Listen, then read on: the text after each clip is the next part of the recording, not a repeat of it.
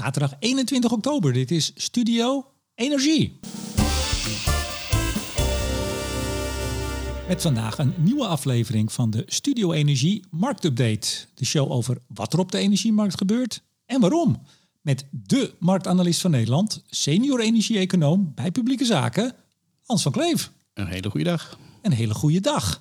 En Studio Energie wordt mede mogelijk gemaakt door de vrienden van de show. Koninklijke FMW, Stedin, Lightsource BP, Eneco en Neptune Energy.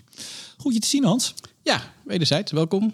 Ja, we, we hadden net vlak voor begonnen hadden we hier eh, publiek zitten en die is nu weg. Wat zou dat zeggen? Uh, geen idee, maar dat is uh, om even de luisteraars mee te nemen. De, de, de nieuwe kat van de buren die af en toe hier denkt dat hij dat die hier woont. Um, dus die, die keek gezellig naar binnen van wat we allemaal aan het doen waren. Maar hij is, hij is nu weer aan de wandel. Ja, hij is heel nieuwsgierig. De vorige die is doodgereden. Die was iets te nieuwsgierig, begreep ik. Ja, ja dat was heel zielig. Ah, ja, dat vind ik niet heel zielig. Ik ben echt ja. een kattenman. Ja. Ik ben zo'n kattenman. Ja, het is toch een rotdag vandaag, rot weer, ellende in de wereld. Dit kan wel even. Ik ben zo'n kattenman dat ik geen kat heb. Ja, ja dat hebben we ook een beetje thuis. Als in van, uh, nee. Ja, nee, maar wij wonen boven. Ja, ja, bij jou kunnen ze nog naar buiten eventueel, maar wij maar wonen dan op zie een je flat. wat het gevolg is. Of Precies. kan zijn. Dus, ja, ja, maar ik vind, maar aan de andere kant denk ik ook wel eens, dit gaat helemaal buiten de orde. Ja, een kat in het asiel, die kan ik beter bij ons uh, op de mooie flat neerzetten, maar ik vind het moeilijk. Dat is ook waar. Ik ben een ja. beetje maltentig. We gaan gewoon beginnen, Hans. We gaan yes. het over hebben. uh, nou ja, we gaan uh, kijken naar de oliemarkt. Hè. Er speelt natuurlijk van alles nu in het Midden-Oosten. En dat heeft een, een effect op de, op de olieprijzen. Ehm, ja, met name Iran. hoe ver zijn ze betrokken bij het conflict? Gaat het wel of niet escaleren? Uh, en je ziet dat de markten daar nerveus over zijn. Dus daar gaan we denk ik naar kijken. Ja. Um, gasprijzen die, uh, die zitten weer in de lift. Uh, we hebben natuurlijk die mogelijke sabotage gezien van de pijpleiding um, tussen Estland en Finland. Ik zeg het gewoon, het is sabotage. Ja, dat is het ook. Maar goed, formeel moet je het onderzoek afwachten. We die en uh, dit is, laten we zeggen, wel heel toevallig anders dat zoiets ontploft, zomaar. We gaan ook even kijken trouwens naar de ja. gasproductie in Israël. Uh, ja. Ja, Hans. Ja. Ja, nou ja, ik heb er even naar gekeken, laat ik het zo zeggen. Heel goed. Ik heb er wat getallen ik, ik, gehaald. Ik iets minder. Nou, er, zijn, er gaan ook dagen voorbij dat ik niet naar de Israëlische uh, gasproductie kijk. Maar het is toch wel relevant. Ze hebben een veld stilgelegd. Dus Ja. daar gaan we ook nog even naar kijken. En Israël zou Europa komen helpen. Ja, Ja, met export uh, om ons van de Russen af te helpen. ja precies. Dus Een dat, klein eh, kinkje in de kabel, ook daar. dat Ehm, er was ook nog iets met Shell. Eh, ja, Shell eh, heeft een 27-jarig contract getekend met Qatar voor de levering van, eh, van LNG. Dus ehm, Gaan we het ook over hebben. daar gaan we het over hebben.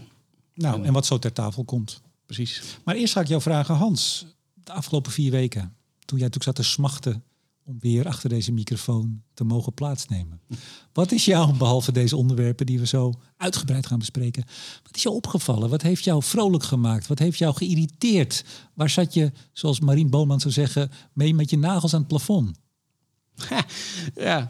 Ja, normaal gesproken vraag je altijd, en dat bereid ik een keurig voor, van wat is jou opgevallen in het nieuws? Dus dat heb ik net gedaan. Maar Dat, dat is hetzelfde. Nou ja, maar nu trek je hem breder naar vier weken. En dan, dan moet ik zeggen dat vier weken vakantie wel heel lekker is. En dat je dan, laten we zeggen, eh, opvalt eh, hoe de heigerigheid af en toe in, in Nederland is over energie, klimaatbeleid en, en hoe dat in andere landen beleefd wordt.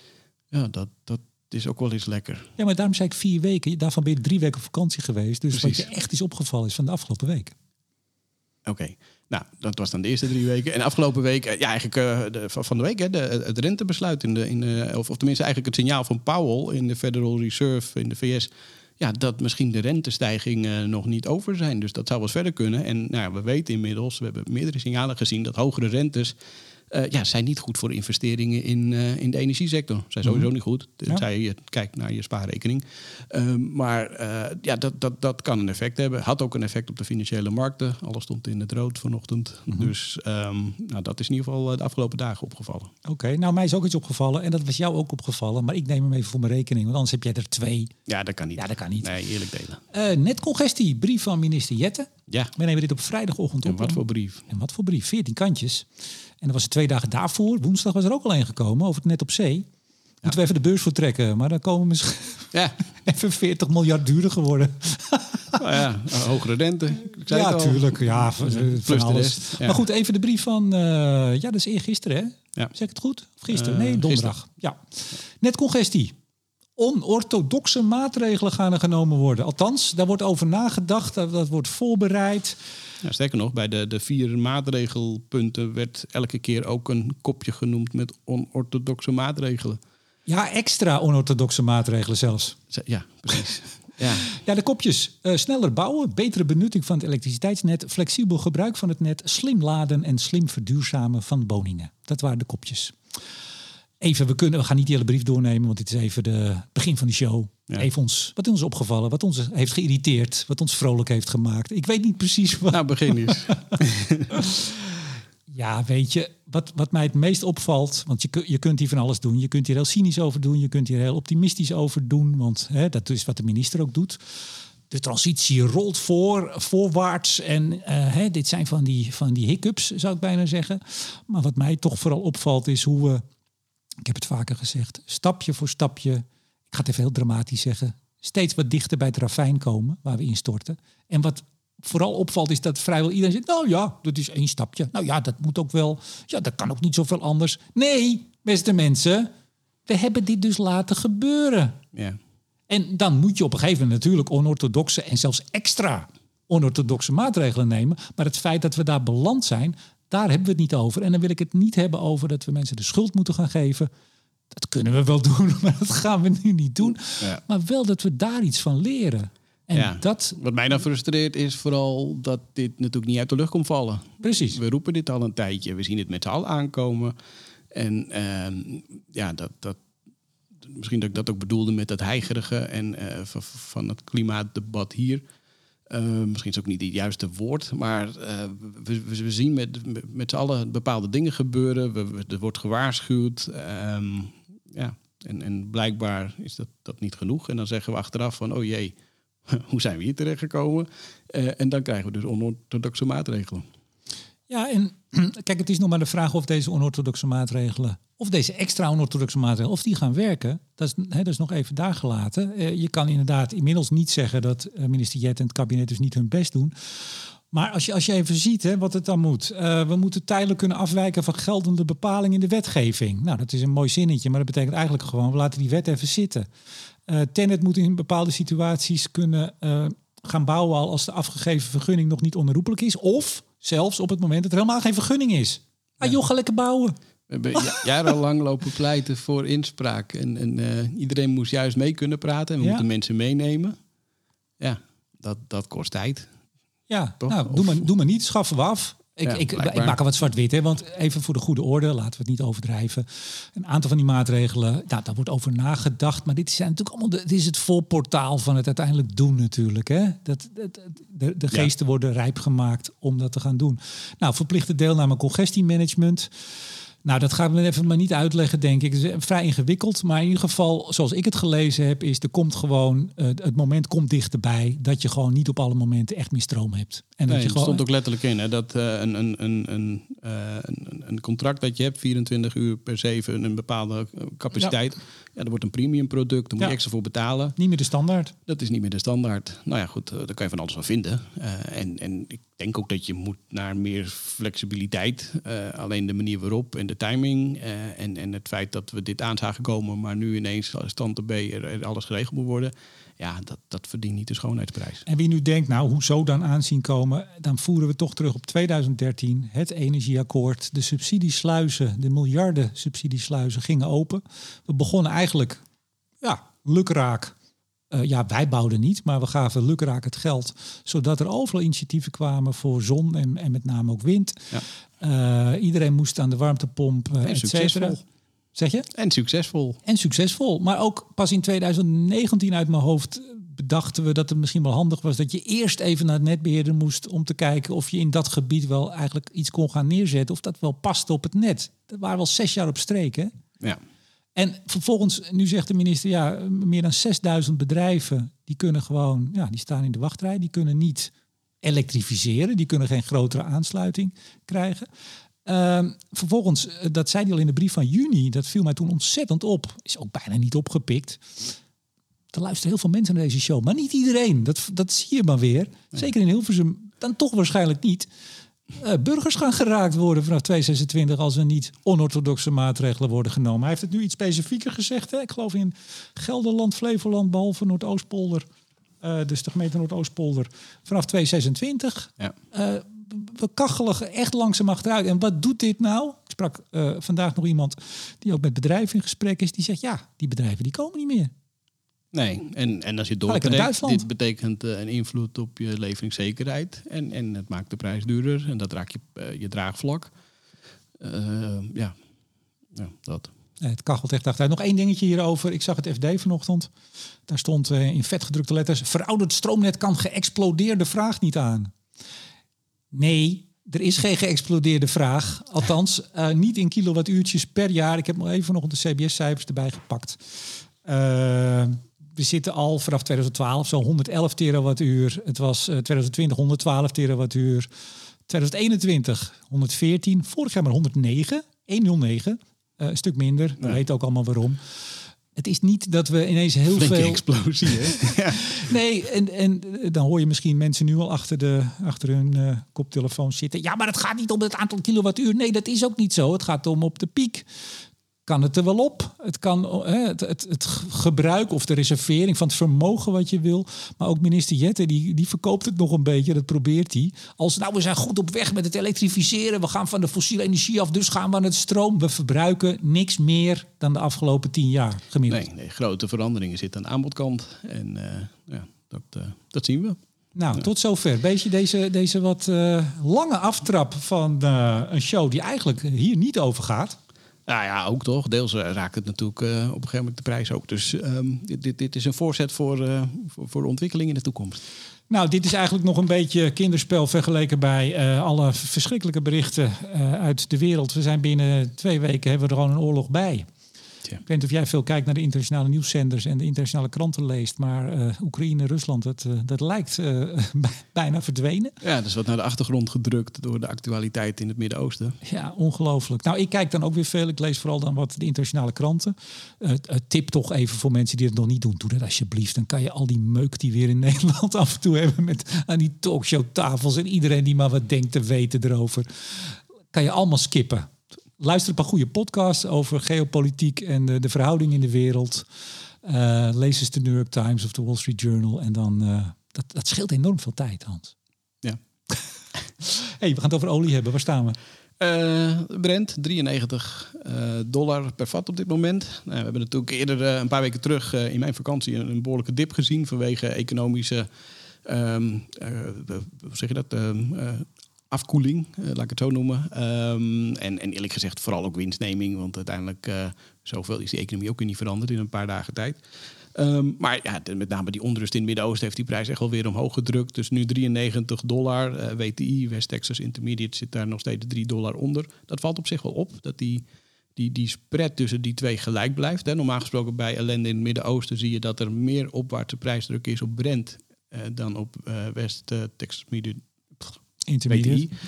Um, en uh, en dat, dat blijft nu een beetje achter. Maar waarom? Ja, geen idee. Uh, ja, nee, maar dat, dat, dat, valt gewoon op. Dus blijkbaar is die risicopremie niet zo heel groot. En um, uh, voorzien we op dit moment nog niet uh, echt fysieke aanbodproblemen. Dus je ziet wel dat de markt wat nerveuzer wordt. Dat drukt die prijs wat omhoog. Maar uh, op het moment dat die fysieke problemen komen, hè, zoals toen, toen op een gegeven moment, uh, uh, wat was het, tijdens de, die, die, die crisis met um, Irak ja. en, en, en, alles, dat, ja, toen werd die spread 20, 25 dollar. Ja, dat is nu echt niet aan de orde. Mm -hmm. Het feit dat het gelijk blijft, betekent dat we nog geen fysieke gevolgen ja. zien. Maar, maar even onrust in het Midden-Oosten. Dat is ja. een mooie term en, en helemaal terecht dat je dat zegt. Maar wat wat maakt dan letterlijk dat die prijs omhoog gaat? Wat, wat, wat is de onrust, behalve wat we allemaal op tv zien? Nou ja, goed, kijk, uh, dan moet je even uitzoomen van wat bepaalt de prijs. Hè? Nou ja, uh, daar hebben we het vaker over gehad. Vroeger was dat vraag en aanbod. Uh, het is nog steeds zo, zeker langere termijn. Maar nu gaat het heel veel over verwachtingen. Hoop, angst en in dit geval angst. Angst dat het aanbod van olie, ja, een heel groot deel komt uit het Midden-Oosten, dat het op een of andere manier geraakt gaat worden. En uh, niet zozeer omdat Israël hierbij betrokken is, want Israël produceert niet zoveel olie. Uh, maar wel omdat achter Hamas zit vaak Iran. En Iran is wel een hele grote olieproducent, is ook lid van OPEC. Ehm, en daarmee eh, zou verstoringen in, in die verhoudingen, ja, dat kan een enorm effect hebben op, op het aanbod van olie. Dat maakt markten nerveus en dat drukt die prijs omhoog. Maar even officieel, het Westen boycott Iran als het gaat over olie-export? Ja, dat, dat, er zijn sancties tegen Iran. Dat is de laatste tijd een beetje. Want ja, eh, we hebben Rusland ook uh, sancties opgelegd. Dus het werd allemaal wat krapper op de markt. Dus dan ga je iets soepeler om met eerder opgelegde sancties. Hè. Uh, kijk ook naar Venezuela nu. maar daar komen we misschien zo nog even op. Mm -hmm. um, dus Iran heeft langzaam maar zeker iets meer olie geëxporteerd. Uh, ja, dat, dat met, vindt... met toestemming van het Westen? Nou ja... Uh, Stil, stilzwijgend? Dat, vooral. Dus ze wisten een beetje... ook, Hans. Ik wil, ik, ik, dit, we zitten hier in de regen en de wind, althans niet binnen. Dit is gewoon een miserige rotdag. Ik heb ook een beetje een miserige rot humeur misschien wel daardoor. het is toch te cynisch voor woorden. Dus dan kom je... Ik hoorde mevrouw van der Leyen ook weer. Die ging weer ergens voor waarschuwen. Als, ja, maar dat is altijd goed. Nee, ja, gaan het sowieso negeren. Als, als de EU ergens verdeeld over is, dan is het nu wel over uh, uh, de Palestijnen en Israël. Maar goed, dat even terzijde. Ja. Dan komen we weer hoog te paard uh, met onze vingers zwaaiend. Gaan we de sancties opleggen. En als het nou dan echt Ja, even een beetje lastig wordt, dan gaan we het wel weer stiekempjes wat versoepelen. Ja, maar dat is, ik, ik ben nu bezig met een artikel voor ESB. Eigenlijk precies hierover. eh voor eh, ESB is dat, dat Economen magazine. Ehm, het, ho, ho, ho, dat economen, dat is het blad voor de economen. Ja, dat is het ook. Hans, Dus ja. ik, ik, ben, ik vond het ook, vond het ook leuk om, om, om dat te doen. Maar dat gaat dan over, over ehm, het prijsplafond voor Russische olie en, en, hoe dat werkt. En dan zie je eigenlijk hetzelfde wat we hiermee hebben. eh, dat ja, je wil wel sancties opleggen en zeggen van hé, hey, eh, wat je doet mag niet. En da- daar gaan we je voor straffen. Maar tegelijkertijd, ja, eh, we hebben wel olie nodig. Eh, en het kan natuurlijk niet zo zijn dat je iemand straft en, en zelf daar meer consequenties van voelt dan, dan de partijen die je probeert te raken. Nee, maar dan zou het mooi zijn dat als je die dingen oplegt, dat je zegt, nou luister mensen, dit gaan we nu doen. Mocht het nou krap worden, draaien we het wel even terug. Maar dat is natuurlijk niet de boodschap. De boodschap is, Nee, wij staan eendrachtig Ja, en, precies. en samen met, met één dus front niet. tegen Maar- de vijand. We, we, we haken af, we dwalen af. Maar, maar, maar een puntje bepaald. Iran heeft dus meer geëxporteerd. eh, en, en ja, eh, dat, dat, ja dat, dat is dus het risico Ja. dat dat weer strakker aange- of aangetrokken wordt. Eh, sterker nog, er zouden weer extra sancties kunnen komen. Eh, het is even de vraag hoe dat binnen OPEC, eh, hoewel die nu hebben aangegeven van ja, wij voorzien vooralsnog eh, geen, geen consequenties. Maar ja, dat kan morgen anders zijn. Ik wou net zeggen, ja. Dus ehm, ja, Want er, dat- er, ging ook, er gaat ook al rond dat Iran zegt, we moeten Israël een olieboycott opleggen. Ja, dat was de roep van Iran. Ja, gaat natuurlijk niet gebeuren. Eh, want er zijn genoeg partijen die dat. eh, die, die, en, en daarin speelt natuurlijk met name eh, hoe heet het, eh, Saudi-Arabië een hele belangrijke rol in. Ehm, ja, er is de, er is de kat weer. Ehm, Je weet meteen van, ja, apropos. ja, ja, ja. Ehm, nee, dat, gaat, dat gaat niet gebeuren. Maar je merkt wel, en, en dan kom je een beetje bij, bij de flitstrade, de, de- die flitshandel, eh, bij algoritmes die, die ja, dat oppakken en zeggen van, oh kijk, eh, er wordt voor gewaarschuwd, misschien komt er dan wel zoiets. Eh, dat, dat drukt die prijs ook een beetje. Dat zorgt voor extra volatiliteit, extra bewegelijkheid op de korte termijnmarkten. Ehm, maar eerlijk gezegd, dat, dat zie ik niet 1, 2, 3 gebeuren. Ja, de VS, hoe reageren die? Saudi-Arabië, zijn natuurlijk twee grote producenten. Hoe gaat het in de VS eigenlijk met olieproductie? Ja, die, die gaat ineens heel erg omhoog. En ik, ik heb een beetje naar lopen zoeken. Maar eerlijk gezegd, ik kan niet zo goed vinden waarom eh, in, in mijn cijfers de productie van eh, vanaf juli tot en met nu, dus zeg maar de laatste twee, drie maanden, ja, bijna met een miljoen vaten omhoog is gegaan. Dus ik, ik, ik ben daar nog zoekende. Dat is, dat is, Ik- dat is ik, eh, veel. Ja, dat vond ik ook. En, en vooral omdat ik het niet helemaal kan onderbouwen. Ik, ik, Heb je foutje in je spreadsheet? Ja, dat, dat zou één keer kunnen, maar dat kan niet drie maanden op rij, denk ik dan. Dus ik, ik ga er verder in duiken en neem dat mee in mijn volgende marktupdate. eh, die ik, eh, Maar goed, nee, jij bent natuurlijk de marktanalist van Nederland. Maar er zijn meer marktanalisten. En ook internationaal gelukkig wel, zeker. Al is het maar om elkaar scherp te houden. eh, Is die het ook al opgevallen dan? Die, die weet ik niet. Ik, zo lang ben ik nog niet terug van vakantie. Dus ik, en, en er was nogal wat gebeurd. Dus ik heb, ben ben druk bezig geweest om, om me bij te lezen en in te werken enzovoort. Eh, maar dit is, het viel me op. Ik, ik zie dat er wat meer geproduceerd wordt. eh, maar ben nog, ik moet erin duiken om, om te kijken hoe en wat precies. Nou lijkt het ook ineens dat eh, na de ja, sombere berichten in China over de aantrek, het aantrekken van de economie, dat kun je positief negatief, maar er waren wat sombere berichten. Men had gedacht dat China de economie na het opheffen van de lockdown zou aantrekken. Gebeurde niet echt. En nu ineens lijkt het wel aan te trekken en dus ook de olievraag. Ja, ja, ook daar zie je dat ineens ja, de ontwikkeling. En, en dat werd natuurlijk wel voorspeld, hè, dat, dat je daar geeft uh, dat, dat die economie sneller zou herstellen. Nou, dat, dat duurde langer, ook omdat wij hier natuurlijk in een recessie zitten of er tegenaan schuren. Uh, dus de vraag vanuit ons bleef lager en de, de, de, lokale vraag die nam wel toe, maar niet zo hard als verwacht. Uh, ja, dat, dat, daar zie je nu wel, wel wat, wat vaart in komen. Dus dat, dat trekt aan. En dus zie je ook dat de vraag naar olie daar toeneemt. En, en dat helpt ook mee om die, ja, die prijs wat omhoog te drukken. Ja, Venezuela, je riep ze, of riep, je noemde ze net al even. Ja. Wat gebeurt daar? Nou ja, de, de, de, die zijn natuurlijk jarenlang, um, um, hoe zeg je dat, onderhevig geweest aan sancties vanuit de VS. ja, nou, de, dan komt er in het land zijn ontwikkelingen met, met nieuwe verkiezingen en toezeggingen die zijn gedaan. Daardoor heeft de VS gezegd: oké, okay, dan gaan wij die sancties verlichten. Uh, waardoor het weer mogelijk wordt om te investeren in de oliesector en gassector, maar met name olie. Um, en, uh, en, en dus de export weer aan te, hoe zeg ja. dat, op te voeren. Mm -hmm. Ja, um, ja, sorry. Ja, ja maar nou goed, dat, dat is het, het signaal. De, de, vraag is hoe, hoe snel gaat dat? Er is jarenlang niet in geïnvesteerd, dus er moet echt wel wat gebeuren om dat weer een beetje op stoom te krijgen. Um, dus dat is weer meer iets voor de langere termijn. Maar het is natuurlijk wel een belangrijk signaal, ook vanuit de VS, dat blijkbaar ja, um, de behoefte naar olie zo groot is dat je zelfs de sancties tegenover te, te, te, van ja, Venezuela verlicht om om maar te zorgen dat die, de, dat aanbod van olie op peil blijft. Maar uh, Mr. President Joe Biden, die heeft volgens mij, wanneer hadden we het dan over? Was het vorig jaar of wel iets langer? Die, toen, toen wilde hij eigenlijk ook al dat, uh, dat Venezuela wat meer ging produceren. Produceren om, om, om, de, om de benzineprijs Precies. te verlagen. Dus ja, uh, ja zoals hij ook naar Saudi-Arabië is gevlogen om daar te smeken voor meer olie. En ongeveer al zijn strategische reserves op de markt heeft gedumpt ja. om die prijs te drukken. Nou ja, staan op, nee, staan op 90 dollar. Lek, lekker succes. Maar die, die, uh, dat toen, nou ja, in ieder geval de aankondiging dat Amerika vond dat de sancties tegen Venezuela wel wat verlicht konden worden of zo.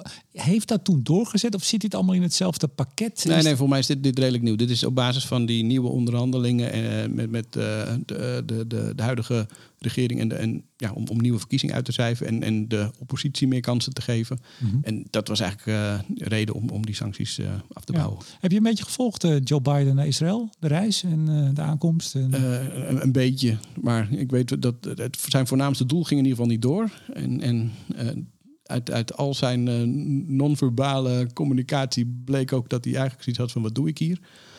Maar heb jij het zo gezien? Ja? Oh, jij zag het anders? Nou, ik vind... Ik of is vind, gewoon moe? Dat kan ook. Nou ja, hij is, hij is, ja, ik vind het zo bijna aandoenlijk. Hij, hij oogde wel heel breekbaar, hè? Als, uh, hij is 80, hè, geloof mag ik. ook. Ja, ja nee, natuurlijk mag dat. Nee, maar ik, ik vind wel, en daar is hij volgens mij in internationale media zeer om gecomplimenteerd. Uh, of in ieder geval zijn ja, uh, dapperheid, zou je bijna zeggen. Het is best wel wat om met Air Force One zo'n gebied in te vliegen. Oh zo, ja. Nee, ja, dus ook... Maar die, die, die analyses waren er ook al. Dus dat het was een politiek risico om erheen te gaan. Maar het was toch ook wel een veiligheidsrisico. Gewoon letterlijk. En er stond een mooi stuk in, dat dacht de New York Times. Er vliegt altijd, um, op, op het toestel vliegen altijd allemaal journalisten mee. Die hebben ook een eigen, eigen deel. Heb je al eens het opengewerkte tekening van Air Force One gezien? Nee, ik heb wel eens beelden uit, eruit, maar niet... Uh, ja, er vliegt altijd okay. een, flinke groep uh, journalisten mee. En ja. die kregen ook, en er zaten ook wat veteranen bij... die al uh, vaker mee waren geweest de afgelopen decennia. Maar die hadden nog nooit zo'n veiligheidsinstructie gekregen... Wat ze moesten doen als alarm afging in het toestel, dat er een raket oh ja? aankomt okay. op het vliegveld. Ze kregen allemaal een gelamineerd klein kaartje met een heel klein font. Ze vond het moeilijk lezen, maar goed. Uh, ze, ze, vroegen zich af of als het moment dat ze daar ergens in de penarie zaten, of ze het nog wel konden lezen. Maar echt, dat is niet een fijne vlucht geweest hoor. Dan nee, ga je toch wel even anders. Dat snap ik. Dat gaat verder dan wat turbulentie. Ik, ik, las nu ook van het bezoek wat Biden toen aan uh, Kiev heeft gebracht. Dat was wel in, dus niet aangekondigd. Dus het feit dat ze het nu ook echt hadden aangekondigd en het hele reisschema bij wijze van spreken op tafel lag, ja, dan maak je je wel kwetsbaar. Ja. In Kiev is hij met de trein gegaan, negen uur trein. Paar, paar mensen maar mee, echt een heel, heel klein setje. En ik geloof twee journalisten. Echt een soort incognito-achtig proberen het land binnen te komen. Ja. Hij, heeft wel, hij durft wel. Ja. Toch wel. Oké. Okay. Ja, nou goed. Het is allemaal doet totaal niet ter zake voor waar wij het hier over hebben. Maar ja. ach ja, ik ben er wel een beetje vol van. Ik volg het allemaal. Het is... Uh, ja. Er gebeurt veel. Ja, nee, als je ziet, nee, maar, maar, ook in het verlengde van, van Rusland-Oekraïne, wat natuurlijk bij ons nog steeds een heel groot effect heeft op die energiemarkten.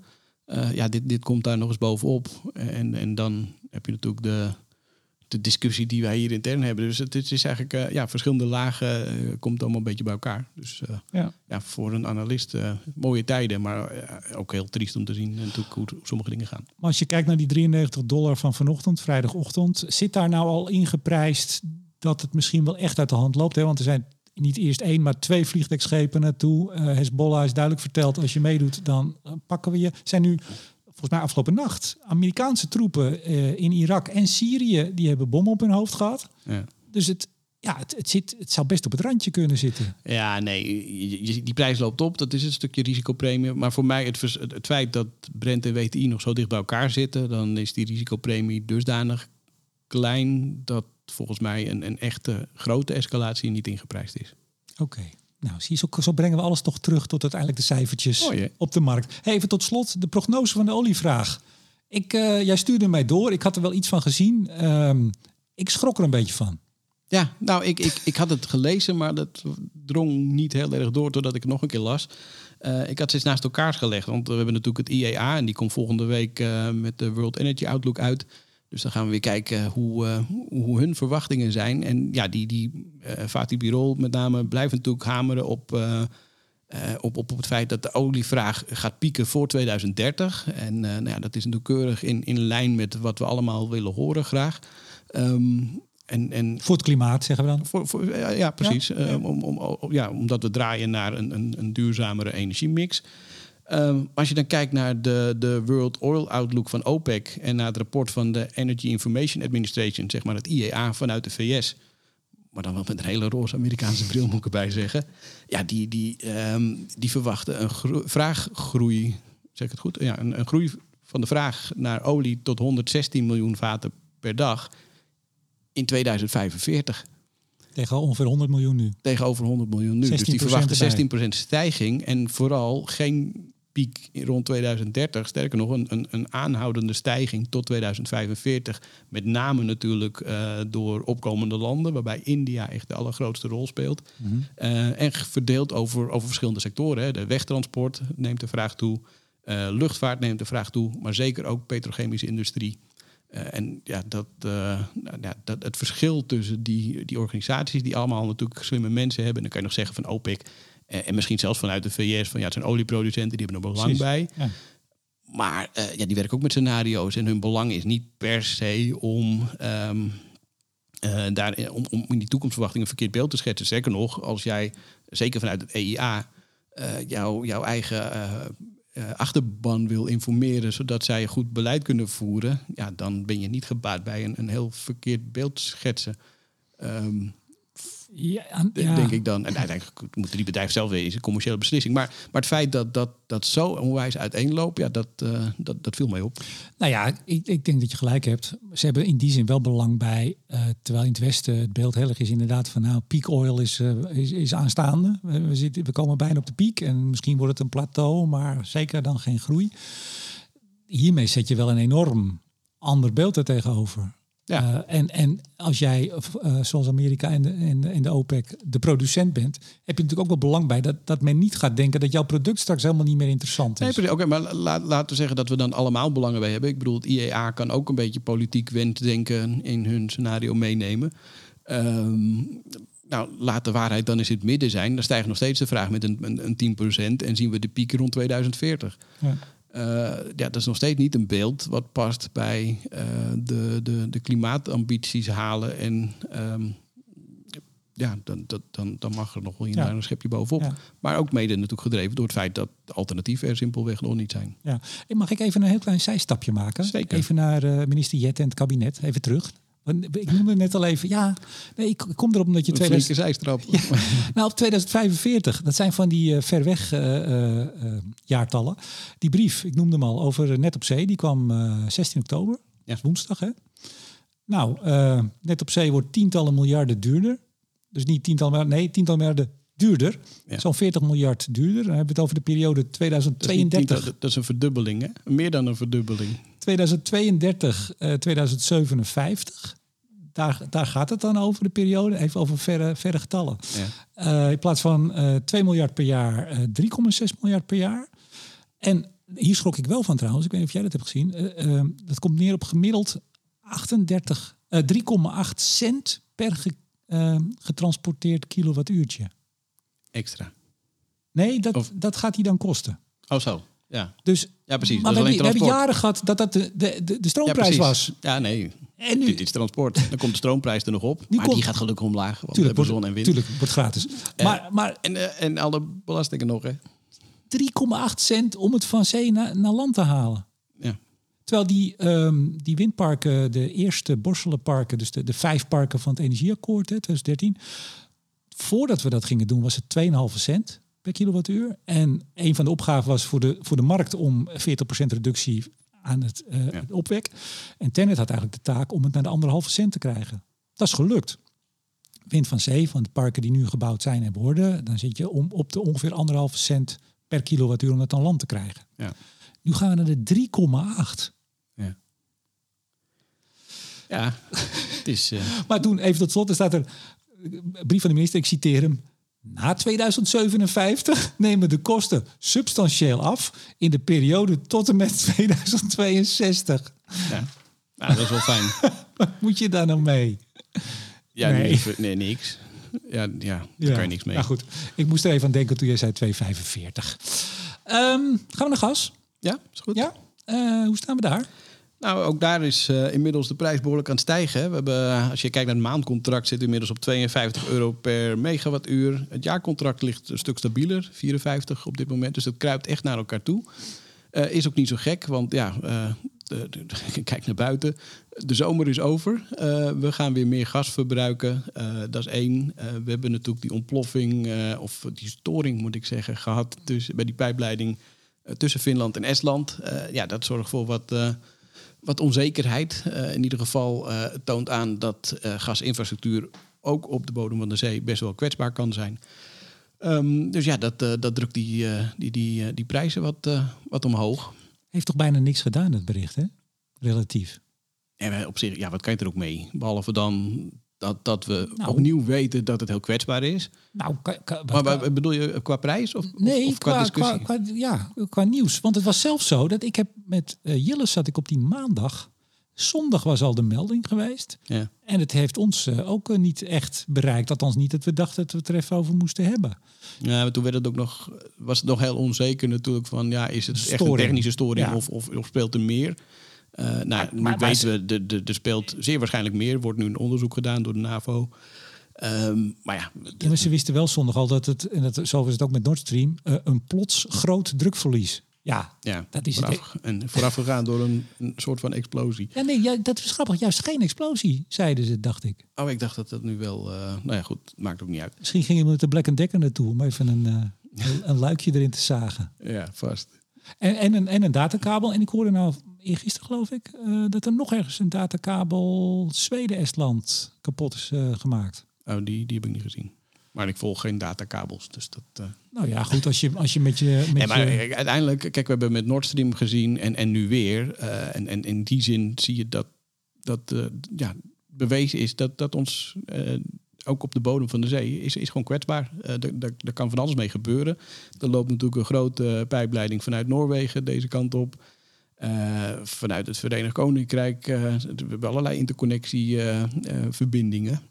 ja, dat, dat, dat is kwetsbaar. En ehm, we zitten aan het begin van de winter. De voorraden zijn heel goed gevuld, maar dat is niet voldoende om de hele winter door te komen. En dit soort signalen, ja, helpt niet. Ehm, en en ja, helpt niet om, om, om, om de markt gerust te stellen dat we zomaar makkelijk aan het eind van de winter kunnen komen.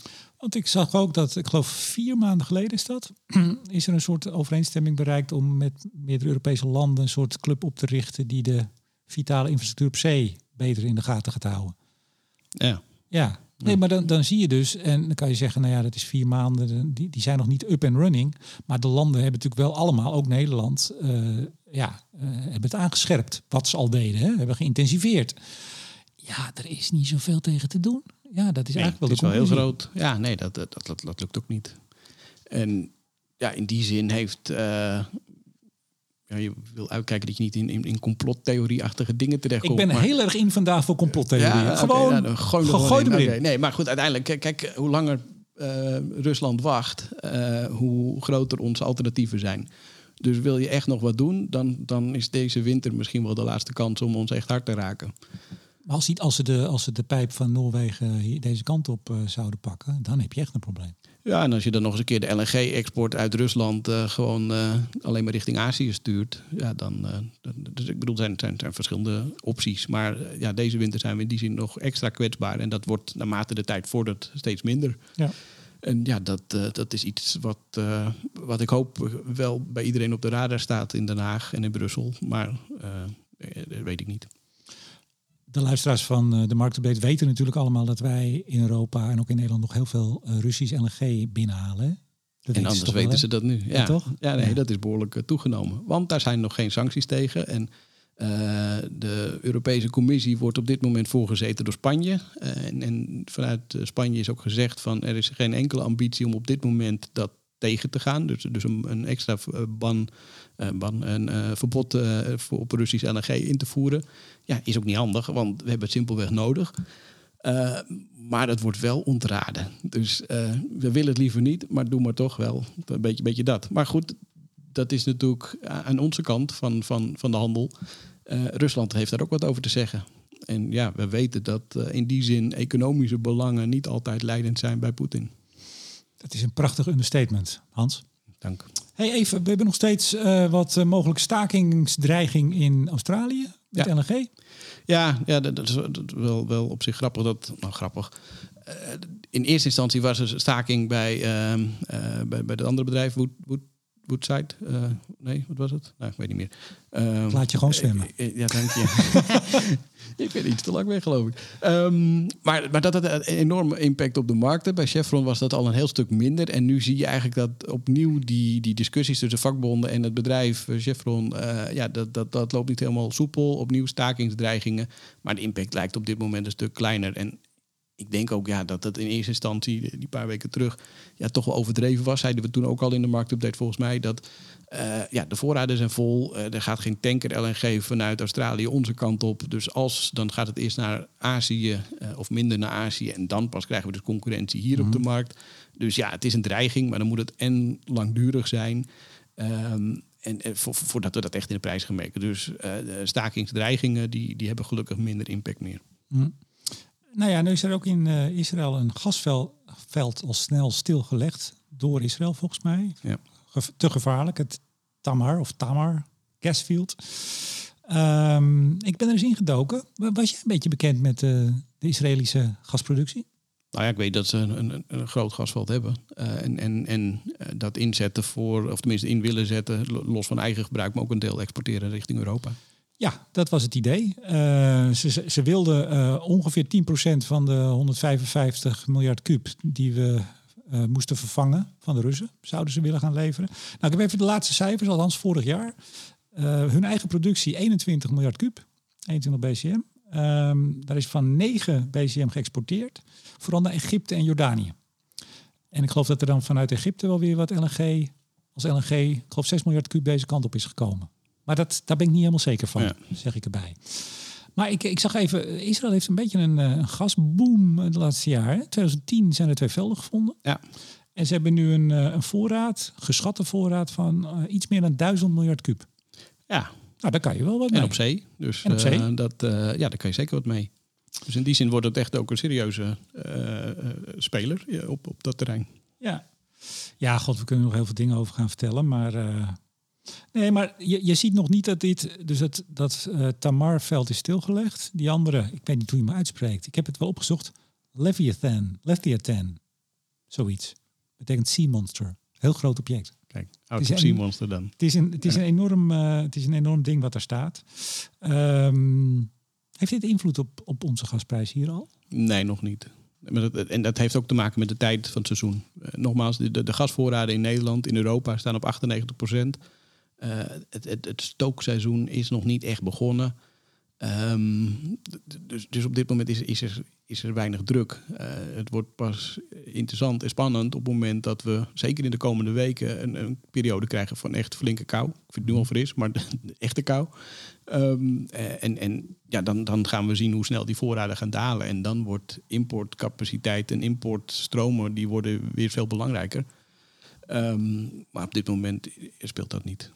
Nou, ik zeg vast even dat uh, aanstaande dinsdag gaat er bij Studio Energie over um, 1973, de oliecrisis. Ja. En dit is een bruggetje naar het laatste korte onderwerpje wat we nog even gaan doen. Uh, vooruitblik? Ja, ik combineer oh. het nu even. Oh, nou, nee. Maar uh, Shell heeft Nederland toen uh, geholpen, laten we het zo zeggen. Toen ja. er een boycott was van, van de olie-exporterende landen in het Midden-Oosten. De Arabieren zeiden we in die jaren, de Arabieren. En Shell heeft er toen voor gezorgd dat het toch eigenlijk allemaal best wel heel erg meeviel. nu is Shell ook misschien wel to the rescue gekomen. Ze hebben een langjarig gascontract afgesloten om gas te halen naar Nederland. Vertel. Ja. 27 jaar. Doe maar. Ja, ingaande per 2026. En de snelle rekenaar, die leert dan, of die weet dat het dus loopt tot 2053. Is na 2050. Um, nee, ja, de, de, ja je bedoelt, en, en, in 2050 zouden we CO2-neutraal zijn. Ik laat ja. hem even helemaal afmaken. Um, nee, ik denk dat het goed nieuws is. Uh, we hebben ja, heel vaak in deze podcast, maar ook in, in andere Um, um, op, andere, op, eigenlijk op elke mogelijke manier aangegeven dat er een noodzaak is om uh, aan je leveringszekerheid uh, te werken. En, en dat doe je mede. Uh, en, en daarmee ook de prijs te stabiliseren. En dat doe je mede door gewoon lange termijn verzekering af te sluiten. Oftewel zorgen dat je op langere termijn gewoon je gasaanvoer geregeld hebt. En we hebben vorige week Total Energies gezien die een contract heeft afgesloten, ook 27 jaar. Eh, deze week Shell. Ehm, ja, dat draagt bij aan, aan, uh, aan een constante uh, vaste aanvoer van gas richting Europa. Ja, ik vroeg me alleen af, ik weet niet of jij dat weet, want er stond zo expliciet Nederland. Hè, Shell Nederland, geloof ik, stond er ook, hè? dacht ik. Ja, het, het, het wordt geleverd aan de gate terminal. Um, de, wat ik zo begreep. dus, dus ja, dat is Nederland. het kan natuurlijk gebruikt worden in de raffinaderij in, in Rotterdam. Uh, of, uh, en, en dat geeft in ieder geval uh, minder druk op, op, op, de andere, op, op de rest van de gasvraag, zeg maar. Ja, maar, maar of het echt alleen, ik weet dat het ding waar je heen wil, of wordt het alleen in, in de raffinaderij gebruikt? Of, of? Ja, ik, kijk, weet je, dat was ook dus in 1973 met de olie. Er, er kwam een enorm uh, spel op gang van uh, tankers die uh, niet naar Nederland mochten, maar dan ergens anders heen. We hadden het er net eigenlijk ook al over. Hè? Als er minder gas naar, naar Azië gaat vanuit Australië, nou, dan komt daar druk. Die gaan zich dan meer hier mengen. Dus je krijgt een enorm spel van ja. het verschuiven van ladingen. Dat is het eigenlijk. Ja. Dus ik vroeg me af, maar ik heb het niet gecheckt, zeg ik er meteen bij. Anders had ik het antwoord ook wel. In hoeverre dit nou voor Nederland is. Ik bedoel, die gate terminal staat in Nederland, maar ja, is dit weet voor ik ook niet. Nederland? En eerlijk gezegd vind ik dat ook helemaal niet relevant. Want uiteindelijk, de, als je kijkt naar de, de gasprijs uh, en de gasvraag. Uh, ik bedoel, we zijn allemaal aan elkaar gekoppeld. Uh, of het nou naar Nederland gaat of dat het naar Duitsland of België. Ja, we hebben als Europa, als Noordwest-Europa een bepaalde gasvraag. En daar moet je aan voldoen. En als Duitsland, die heeft natuurlijk nu een paar lange termijn contracten afgesloten. In Frankrijk ook. Nou, nu als Nederland doen we daar ook een paar. Uh, ja, dat draagt bij aan, aan de zekerheid dat we als Noordwest-Europa voldoende gas aangeleverd krijgen. En eerlijk gezegd, waar dan welke kuub gas naartoe gaat, is voor de prijs niet relevant en vind ik daarom ook niet relevant. Ja, maar moet dat gas echt, is er afgesproken dat het 27 jaar lang aan de gate terminal geleverd gaat worden? Dat stond volgens mij wel in het nieuwsbericht. Misschien moeten we toch even naar de bron. Want voor hetzelfde geld, daar hebben we het hier altijd over, kunnen bij bepaalde prijsontwikkelingen in Azië of in het Westen, kunnen tankers woep, de andere kant op varen. En dat hebben we vorig jaar gezien. Ja. China had heel veel lange termijn contracten, die hebben ze doorverkocht naar Europa. Kijk. Maar dat was ook omdat ze het zelf niet nodig hadden. Dus nou. wat je hiermee hebt, is een, een, zekerheid dat als je het nodig hebt, dan kan je het krijgen. Heb je het niet nodig, het doorverkopen. Of als je ergens anders een betere prijs kan krijgen. Ook. Dan heb je het blijkbaar niet hard, hard genoeg nodig, anders was de prijs hier hoog. Of dat Nederland, dat interesseert je niet meer. uh, dat zou ook nog kunnen. Maar dat, dat is weer wat cynisch. Ja, dat is cynisch en dat zijn we niet. hey Hans, je zat net al even op je horloge volgens mij te kijken. Redden we het qua tijd? je, hebt, je hebt nog een afspraak of niet? Ja, maar het is pas om drie uur. Ik heb, ik heb alle tijd. Oké. Ja, ik moet even bijzeggen, ik ben in een jolige bui vandaag. Ik ben in allerlei buien vandaag. Ja, We zijn twee keer opnieuw begonnen. Ik ging eerst, eh, struikelde ik over mijn eigen woorden. Nee, je had je verkeerde bril op. Ik had, en ik had daarna de verkeerde bril op. Dus het is één grote puinhoop vandaag. We gaan afsluiten, denk ik. Heb jij nog iets waarvan je zegt, nou, daar kijk ik nou de komende vier weken. Remco, daar kijk ik nou de komende vier weken heel erg naar uit. Ja, drie dingen als het mag. Zo. Ja, ik heb me echt voorbereid. Eh, ik zei al, ik ben bezig met een artikeltje voor ESB. Dus, eh, dus dat, dat vind ik leuk om aan te werken. Los van de normale werkzaamheden natuurlijk. Mag ik daar even bij opmerken dat eh, Johannes Bolle, onlangs de gast hier over de fossiele subsidies, ook een artikel met onder andere Josko Seijns en nog een aantal eh, kenners, ook een artikel in ESB had, weer een weerwoord geloof ik op. Ja, oh, daar hebben we het helemaal ja, niet over gehad. Nee, Maar dat, ja, laten we het als leestip meegeven dan. Misschien Ja. kan je zoals in de footnote zetten. Daar ben je nogal van, toch? eh, de footnote, de, Oh, de- de show notes. Ah, dat bedoel ik. Ja. ja ja, whatever. Ja, maar ik ben een Ehm, beetje druk. Het is wel veel werk. Ik ga even kijken, Oké, anders moeten mensen gewoon het opzoeken. Johannes Bolle, Josko Seijns, eh, fossiele subsidies, ESB. Dan heb je hem ook. Dan heb je hem, precies. Maar, wat ga jij doen? Ehm, eh, ik heb, eh, maandag ga ik naar het, het industriedebat kijken. Ik ben heel erg benieuwd hoe dat eh, is. Je bedoelt het debat wat ik presenteer? Ja, die. Oh, wat leuk. Dus ik denk, laat ik je voor zijn. Wat leuk. Het ESB en, en uiteraard dinsdag de World Energy Outlook. Dat, ehm, eh, ja, gewoon benieuwd wat de, de presentatie, wat staat erin eh, en, en wat is de visie daarop. Dus dat is toch voor zeker Europese beleidsmakers, ja, ik zal niet zeggen de Bijbel, maar wel een hele grote belangrijke leidraad van waar gaan we heen qua beleid. Ehm, dus, eh, dus heel belangrijk. Lees je hem ook helemaal? Eh, nee, het is, het, is, vaak iets van 800 bladzijden. Dus als Ja. ik zeg helemaal nee, maar ik, eh, diverse hoofdstukken lees ik wel helemaal. De heer Jilles van den Beukel te Appelscha is iemand, zo iemand is hij, die hem helemaal leest. Ik weet niet of hij het ieder jaar doet. Heeft hij wel eens gedaan? Ja, nee, ik, ik, ik, laat ik zeggen, ik, ik kom tot zeker de helft. Maar er zitten een aantal hoofdstukken bij die voor mij niet zo relevant zijn. Skippen. Maar eh, olie, gas, elektriciteit, eh, de- de meer beleidsmatig de scenario's lees ik. Dus eh, ik, ik kom een aardig eind. Heel goed. Dat was hem. Dat was hem. Oké, nou dan eh, kijk ik uit. Ik heb natuurlijk ook een lijstje, maar daar heb ik hem niet opgezet, het industriedebat. Oh, nou ja. dan- Ja, nee, wat goed van je. Nee, ja, eh, industriedebat, absoluut. Ik weet niet of er nog kaarten zijn. Eh, geen idee. Kijk even, eh, het industriedebat, of het Nederlands industriedebat, ah, google even. Het. Nederlands industriedebat Ja. 2023. Eh, nou, echt, echt, een, echt een heel leuk programma. Eh, we, hebben, eh, de, de, ja, we hebben een energiedeel en we hebben een industriedeel. En daartussen hebben we Aantjan Boekenstein. Oh. Nou, Aantjan Boekenstein erbij vind ik ook wel eens heel leuk. Nee, we hebben Ja. de, de, Frans Evers van, van Shell. We hebben Cor van Nieuwhuizen, Energie Nederland. We hebben eh Kobi van der Linden. Ik ga nu natuurlijk nu namen missen, heel vervelend, maar het is dan maar zo. Ehm, we hebben de baas van Tata Steel. We hebben Hans Koenen, GasUnie. Nou, iedereen is er. En het wordt wel ook...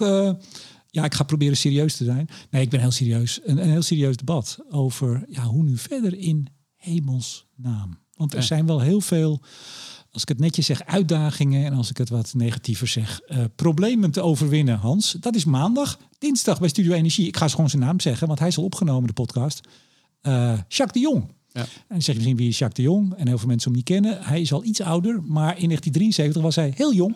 Was hij een hele jonge ambtenaar van economische zaken die, ehm, ja, het was zijn eerste baan, net een paar jaar van de studie, die eh, in het crisisteam kwam toen eh, de oliecrisis in Nederland uitbrak. Autoloze zondagen, benzine op de bon, kabinet Den Uil. En de jonge Jacques de Jong zat daar eh, als ambtenaar en keek zijn ogen uit en weet er ook heel veel over te vertellen. Hij was er ook bij de oprichting van het IEA. Kijk eens aan. Eh, we hebben het ook nog over de gesprekken met OPEC die men probeerde te openen om toch iets van tot een soort vergelijk te komen tussen olieproducerende en consumerende landen. Daar gaan we het eh, bijna een uur over hebben. Hij is later ook nog, eh, heeft een wa- waanzinnige carrière gehad. Eh, Jacques de Jong was ook de eerste energy regulator in Nederland. Later ging hij ook nog eens de Europese, eh, ja wat is regulator eigenlijk? Toezichthouder. Toezichthouder. Ja. Is hij begonnen. Wetgever. Ja, hij is een honorary fellow bij het Klingendaal International Energy Program. Fantastische vent. Eh, hij had koffie en stroopwafels toen ik kwam. Nou. Dat mis ik hier wel een beetje, Hans. Ja, dat is dit nou weer. Ik zeg elke keer, wat wil je drinken? Ja.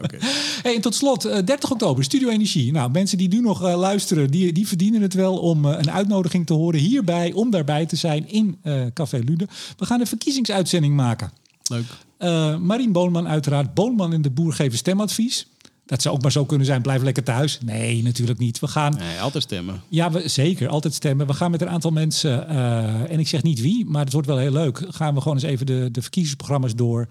Uh, wie, als je wat wil, zou je nou wel op, of niet op moeten stemmen. En natuurlijk kies je niet alleen op basis van energie, klimaat. Dat lijkt me wel heel beperkt.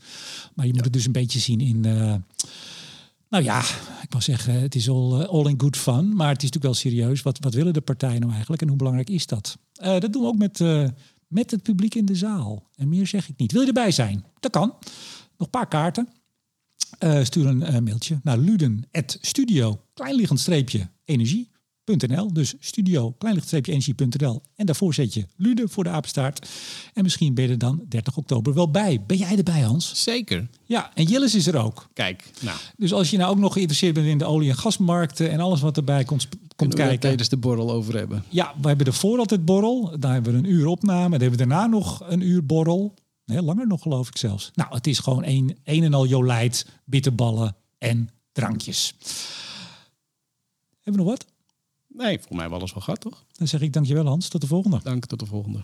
En Studio Energie wordt mede mogelijk gemaakt door de vrienden van de show Stedin, Neptune Energy, Lightsource BP, Koninklijke FMW en Eneco.